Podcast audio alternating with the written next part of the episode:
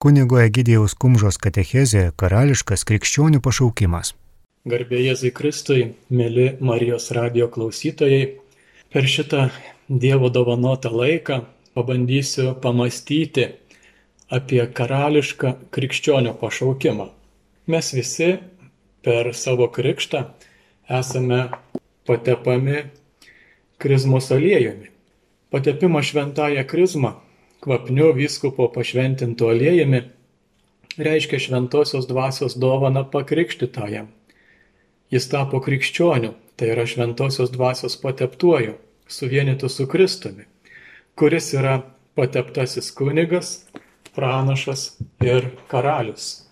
Patepant kūdikio kaktą krizmą, kunigas tarė tokius žodžius Vaikeli, visagalis Dievas, mūsų viešpaties Jėzaus Kristaus tėvas, vandens nuplovimu ir šventosios dvasios gale išvadavo tave iš nuodėmės ir atgimdė naujam malonės gyvenimui. Tegu jis dabar tave patepa išganimo aliejumi, kad įsijungėsi jo tautą, dalyvautum Kristaus kunigystėje, liudytum jį pasauliui, plėstum jo karalystę ir užsitarnautum amžinai gyvenimą. Taigi, per krikštą mes tampame Dievo tauta, o Dievo tauta dalyvauja ir karališkoje Kristaus užduotyje. Kristus karaliauja, patraukdamas prie savęs visus žmonės savo mirtimi ir prisikelimu. Kristus visatos karalius ir viešpats tapo visų tarnu, atėjęs ne kad jam tarnautų, bet pats tarnauti ir savo gyvybės atiduoti kaip išpirkos už daugelį, skaitome katalikų bažnyčios katekizme. Krikščioniui tarnauti reiškia viešpatauti, ypač tarp vargšų ir kenčiančių, kuriuose bažnyčia atpažįsta vargus ir kentėjusi savo steigėją. Dievo tauta savo karališkai orumą pasiekia gyvendama pagal šį pašaukimą - tarnauti draugė su Kristumi. Skaitome katalikų bažnyčios katekizme.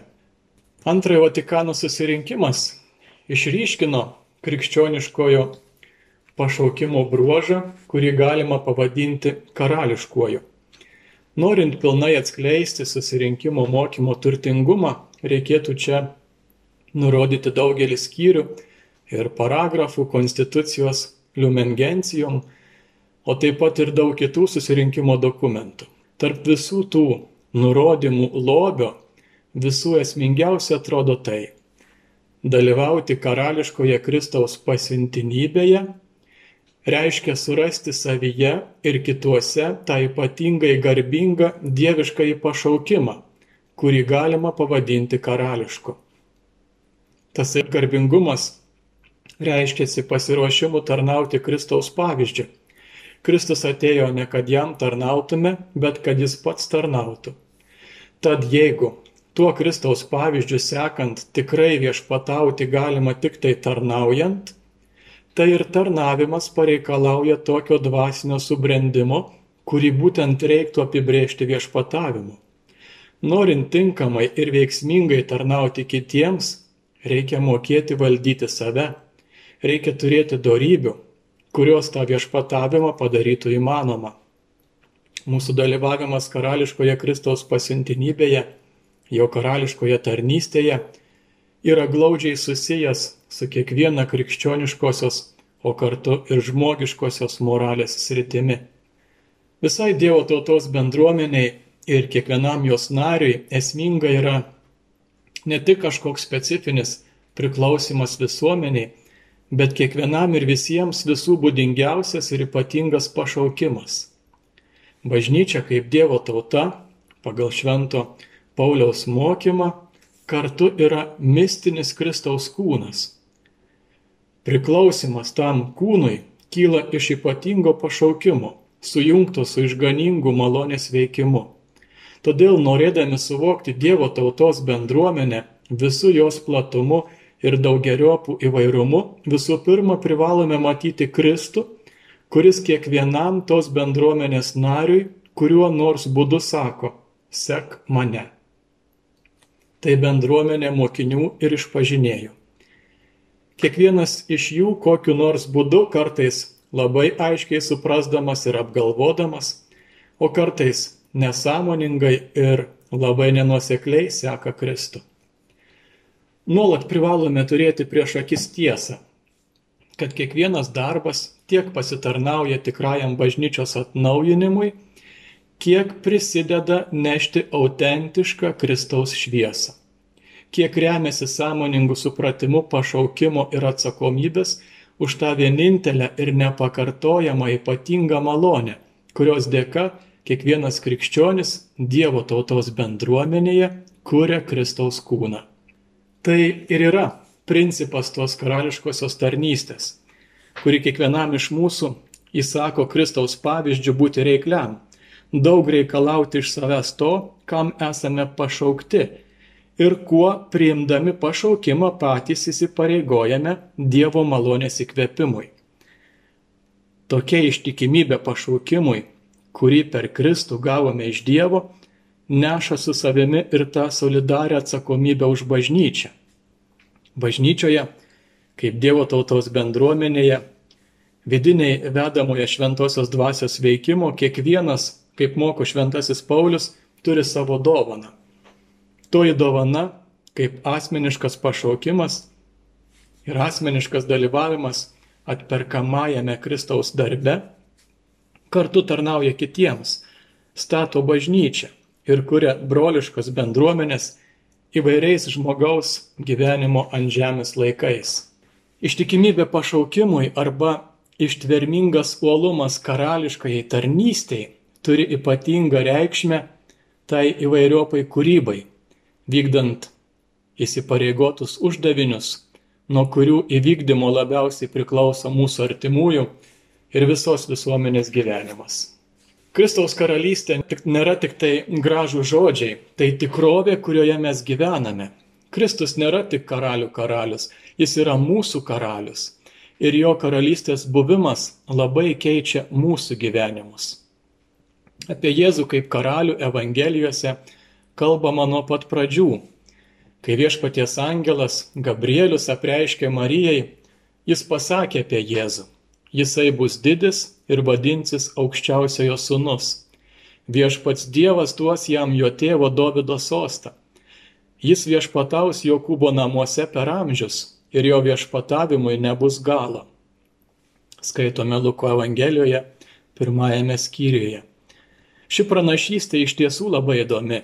Tiesa, kad Mesijas kilo iš Dovido palikonių, tiesa, kad aukščiausiojo sunomis buvo vadinami Izraelio karaliai, Apskritai senovės pasaulyje buvo manoma, kad karaliai tarpininkai tarp Dievo ir žmonių, esantys tarsi Dievo sūnus. Tačiau įdomu tai, jog pranašystėje pasakyta, jo viešpatavimui nebus galo. Marija šie žodžiai turėjo nustebinti. Jeigu būtų sakoma, kad jo palikonių viešpatavimas neturės pabaigos, būtų aišku, dinastija tęsiasi iš kartos į kartą. Čia sakoma, kad jo viešpatavimui nebus galo, todėl galima manyti, kad jam viešpataujant nutiks kas nors nepaprasta. Pavyzdžiui, ateis pasaulio pabaiga. Be to, rytų šalies išminčiai, magai, atkeliavę į Jeruzalę klausinėjo, kur yra gimusis žydų karalius. Mes matėme užtekant jo žvaigždę ir atvykome jo pagarbinti. Taigi karalystės tema vis grįžta kalbant apie Jėzų. Verbų sekmadienį Jėzus kaip karalius dar kartą pasirodo savo įžengimo į Jeruzalę metu. Sakoma, kad čia išsipildo Abakuko knygoje užrašyta pranašystė. Štai atkeliauja tavo karalius, jis romus, jis joja ant asilės. Pranašauta, kad karalius atjos ant asilės. Vėliau Evangelijose atsiranda ir asilaitis.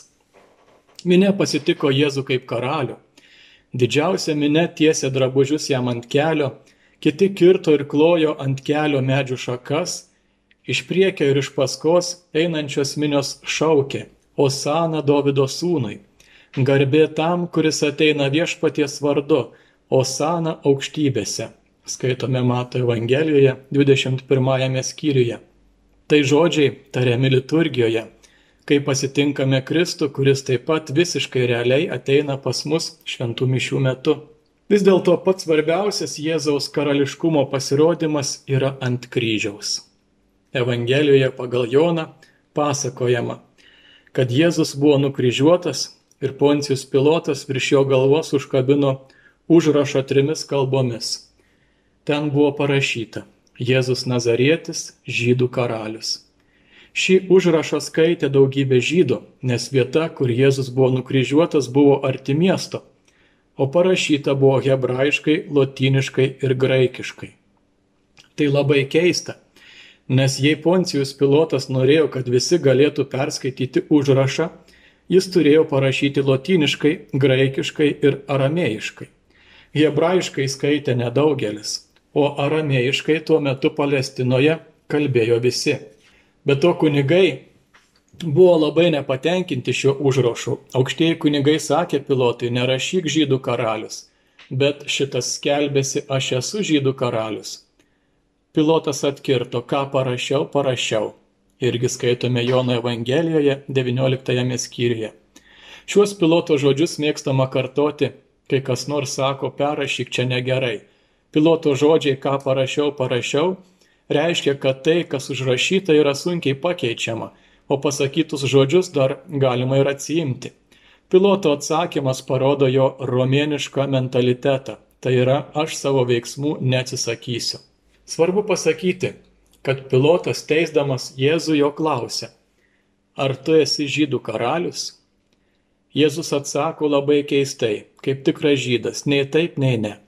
Jis atsakė, ar nuo savęs šito klausi, ar kiti apie mane tau pasakė. Pilotas tarė, be ne žydas, tavoji tauta ir aukštieji kunigai man tave įskundė, sakyk, ką esi padaręs. Jėzaus karališkumas jam visai nerūpi. Jis mato, kad Jėzus yra bejėgis, surakintas, atvestas pas jį ir žodis karalius pilotų lūpose skamba ironiškai. Jėzus atsakė, mano karalystė ne iš šio pasaulio. Jei mano karalystė būtų iš šio pasaulio, mano tarnai juk kovotų, kad nebūčiau atiduotas žydams, bet mano karalystė ne iš čia. Skaitome Jono Evangelijoje 18 skyriuje. Verta susimastyti, ką reiškia karalystė ne iš šio pasaulio. Iš kokio pasaulio? Iš Dievo pasaulio. Jėzus paaiškina, koks yra skirtumas tarp šio pasaulio karalysčių ir ne šio pasaulio karalystės. Jei mano karalystė būtų iš šio pasaulio, mano tarnai juk kovotų, kad nebūčiau atiduotas žydams. Vėl skaitome toj pačioje Jono Evangelijoje 18 skyriuje. Visos valdžios šiame pasaulyje yra paremtos jėga, autoritetu, karinė gale. Jėzus kaip karalius labiausiai pasirodo neįžengdamas į Jeruzalę ar pagarbinamas išminčių iš rytų, bet ekce homo, štai žmogus. Tai karalystė, kurios gale nėra fizinė, žmogiška, žemiška. Tai yra gale, kuri ateina iš dvasios, iš dvasios viešpatyje. Fiziškai ši karalystė atrodo labai silpna, pažeidžiama, visiškai bejėgė, tačiau tai yra galybė, kuri pakeitė pasaulį. Tiksliau, tai pati didžiausia gale ir pati didžiausia jėga, kuri egzistuoja šiame pasaulyje. Ta jėga yra mumise. Žemiškas karalystės galima sunaikinti, tačiau meilės, ramybės ir džiaugsmo karalystės sunaikinti negalės niekas to, kas yra viduje, to, kas ateina iš aukščiau, iš anapus, negali sunaikinti jokia valdžia. Ir tai geriausiai matėsi krikščionių persekiojimų laiku. Kuo krikščionis buvo labiau persekiojami, tuo krikščionybė labiau plito. Krikščionio pašaukimas - atkartoti Kristaus gyvenimą. Jo gyvenimas yra krikščionio pavyzdys. Mes esame tam, kad būtume sunaikinti fiziškai ir tam, kad triumfuotume dvasia. Tai mirties ir prisikėlimo paslaptis.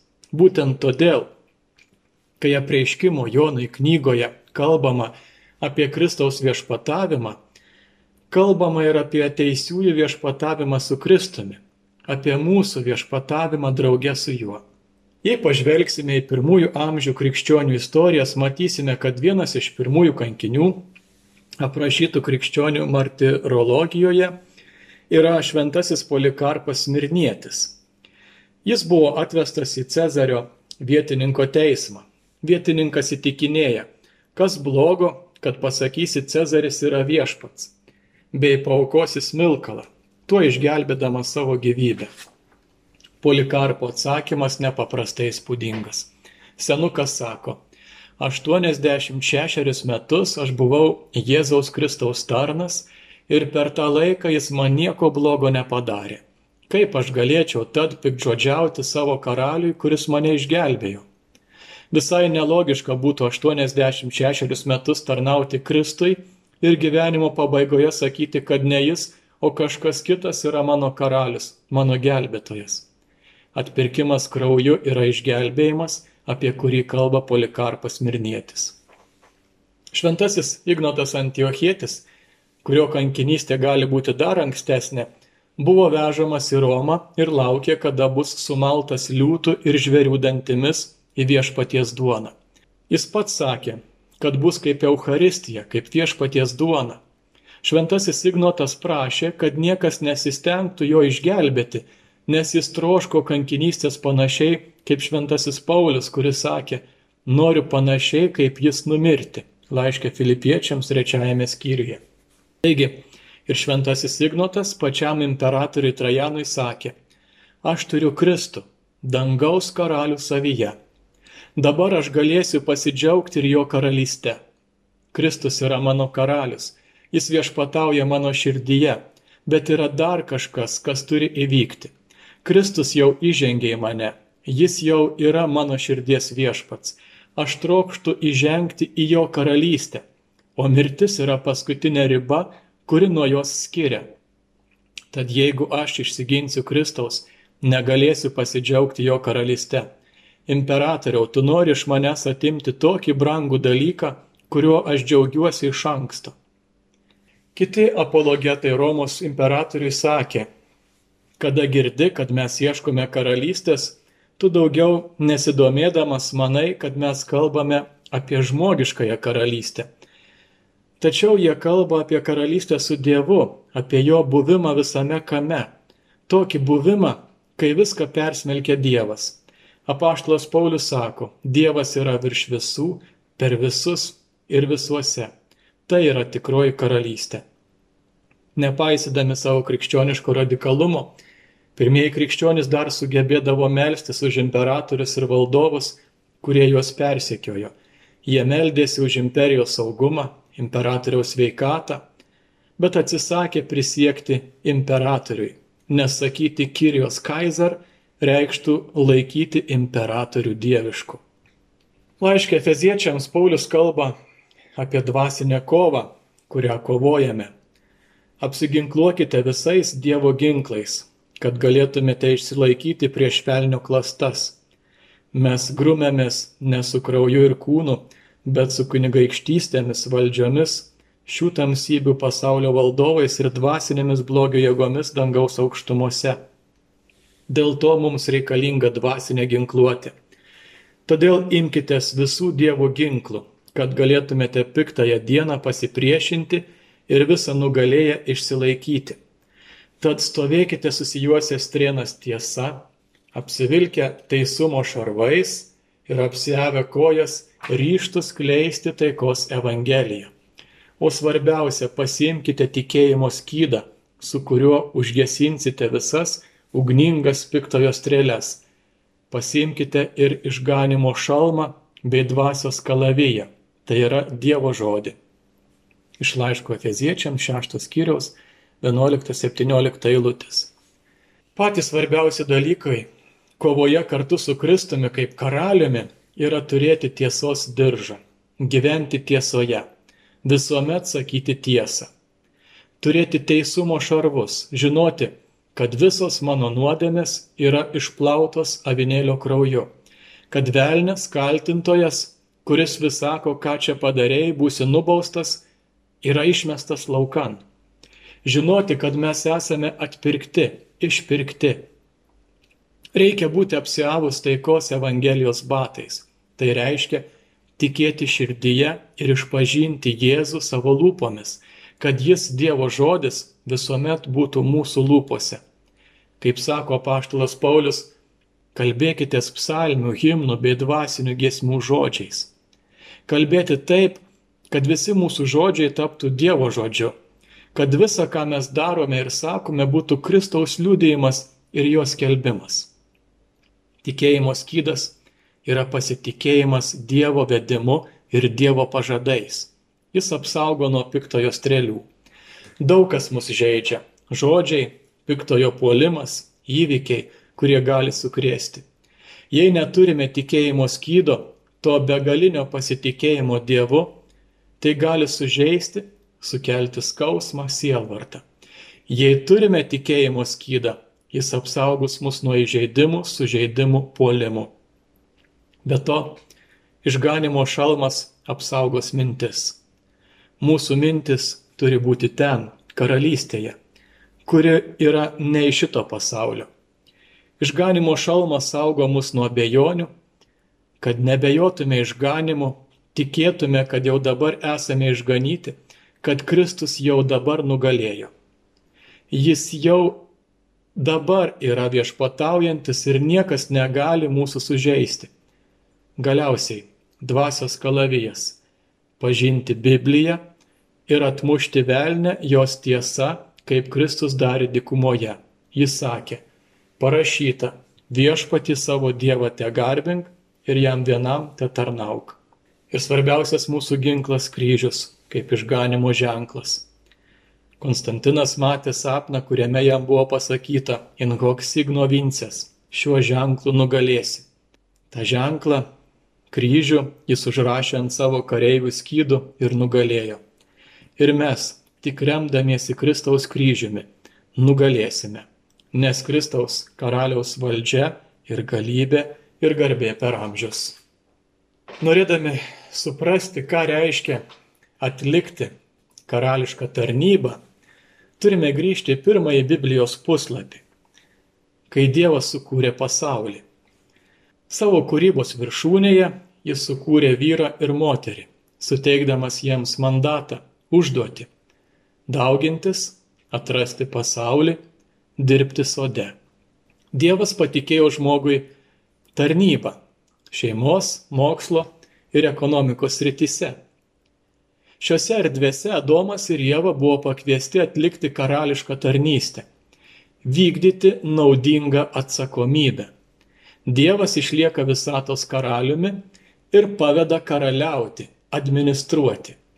Pašaukimas gyventi pasaulyje yra karališkosios tarnystės forma atėjus nuodėmiai. Visas šias atsakomybės rytis - šeimą, žinias ir darbą - paveikė konfliktų ir prieštaravimų spiralė. Įvairios atsakomybės buvo užterštos, sugadintos, deformuotos. Šeima tapo konkurencijos vieta, o seksualumas patapo nepriklausomu nuo įsipareigojimų santokoje. Pažinimas tapo neligybės sektoriumi tarp tų, kurie turi prieigą prie žinių ir tų, kurie neturi, darbas tapo nusivylimų ir neteisybės rytimi. Visa tai išlieka gyvybiškai svarbiais laukais, tačiau yra daug chaoso. Tai yra mūšio laukai, kuriuose praeina mūsų gyvenimas sužeistas, sutrikęs, suglumęs. Jėzus save pristatė kaip karalių, kuris atėjo įkurti savo karalystės. Ką tai reiškia? Kad jis sukurtų karalystę, kurioje pirminiai pašaukimai būtų išgydyti, išgydyti, atgaivinti ir išplėsti po visą pasaulį. Jis yra karalius, kviečiantis jį tikinčiuosius į savo karalystę. Kiekvienas, kuris patenka į jo karalystę, vėl išmoksta įgyvendinti karališkus uždavinius. Iš naujo išmoksta būti turtinga ir dora šeima, iš naujo išmoksta gyventi pasaulyje negudriai ir savanaudiškai, o solidariai, iš naujo išmoksta dirbti su aistra. Būti karališkoje bendruomenė reiškia atgaivinti aistrą gyvenimo pašaukimams, grįžti į teisingus gyvenimo kelius. Įėjimas į Dievo karalystę nereiškia pabėgimo iš pasaulio, bet grįžimą į pasaulį, norint atsiimti nuodėmės deformuotus pašaukimus ir išgyventi juos iš naujo taip, kaip Jėzus būtų karalius. karališkoji bendruomenė rimtai vertina gautus pašaukimus. Pirma, asmeniniai pašaukimai. Ar Dievas tave pašaukė gyventi celibate? Labai gerai. Gyvenk savo pašaukimą su Dievu ir jam, atsiverdamas turtingiems ir dosniems santykiams. Ar Dievas tave pašaukė į santoką? Labai gerai. Atiduok save šeimai ir atverk save vaikų gimimui ir auklėjimui. Antra, profesiniai ar darbiniai pašaukimai. Dievas pakvietė tave dirbti, o darbas yra palaima. Žinoma, tai nelengva ir chaotiškas rytis. Tačiau buvimas karališkąją bendruomenę reiškia darbą vertinti kaip tarnavimo Dievui ir pasauliui vietą, kūrybiškumo, pastangų, bendradarbiavimo vietą. Karališkoji bendruomenė skatina pašaukimus, visus pašaukimus kaip tarnavimo ir atsakomybės rytis, skatina būti doromis šeimomis, ištikimais vyrais ir žmonomis, tėvais, sąmoningais piliečiais, energingais darbuotojais, patikimais draugais, sąžiningais vartotojais, išmintingais investuotojais, išmintingais taupytojais, sąžiningais administratoriais. Bažnyčia turi būti pašaukimų mokymo vieta. Joje pašaukimai turi klestėti, o ne būti užgožiami ar gyventi tik utilitaristiškai. Mes būsime karališkoji bendruomenė, jei kiekvienas iš mūsų gyvens savo pašaukimą ir gyvens ne pasyviai ar anonimiškai, bet kūrybingai ir energingai, Dievo akivaizdoje ir artimo labui. Tai Dievo karalystė. Evangelija gražina gyvenimą, gražina įsipareigojimą gyventi visaverčiai, giliai, aistringai. Be Evangelijos esame triukšmingame aukštinkojomis apipinto pasaulio labirinte. Kur nori būti? Chaotiškoje karalystėje, kur galioja stipriausių įstatymas ir kur vyrauja gudrieji, ar Dievo karalystėje, kur visi sutinka atsiliepti pašaukimus gautus Dievo garbiai. Tai Kuo Dievas tave pašaukė būti ar daryti, yra tavo karališkoji sritis, kad galėtum gyventi su Kristumi. Bažnyčia bus ta vieta, kur mokysimės, atrasime ir skatinsime skirtingus pašaukimus būti brandžiais, tvirtais ir patikimais vyrais ir moterimis, tarnaujančiais karalių karaliui ir valdovų valdovui. Taigi, brangiai, Prisiminkime savo krikšto įsipareigojimus. Esame pakviesti plėsti jo karalystę. Esame pakviesti tarnauti. Esame pakviesti derinti savo širdis į Jėzaus karaliaus širdies ritmą. Ir pabaigai dar tokia istorija apie vieną žmogų, kuris mato daug neteisybės ir meldžiasi Dievui. Dorybingas žmogus vaikštinėja miesto gatvėmis, staiga susidūrė su mergaitė vilkinčia apdriskusiais drabužėliais ir prašiusią išmaldos. Mintise tarė viešpačiui, Dieve, kaip gali leisti tokį dalyką, meldžiu tave, padaryk ką nors. Vakaro žiniuose per televiziją rodė nusikaltimų kroniką. Žmogelis stebėjo nužudytųjų kūnus, smurtą, patyrusius vaikus. Vėl ėmė melstis. Viešpatie, kiek čia skausmo, padaryk ką nors. Ir naktį jam prisisapnavo viešpats, kuris pasakė, aš jau kai ką padariau, sukūriau tave. Ką nors padaryti turi ir tu, mielas brolis sesė, plėskime Jėzaus karalystę. Amen. Girdėjote kunigo Egidėjaus Kumžos katechezę Karališkas krikščionių pašaukimas.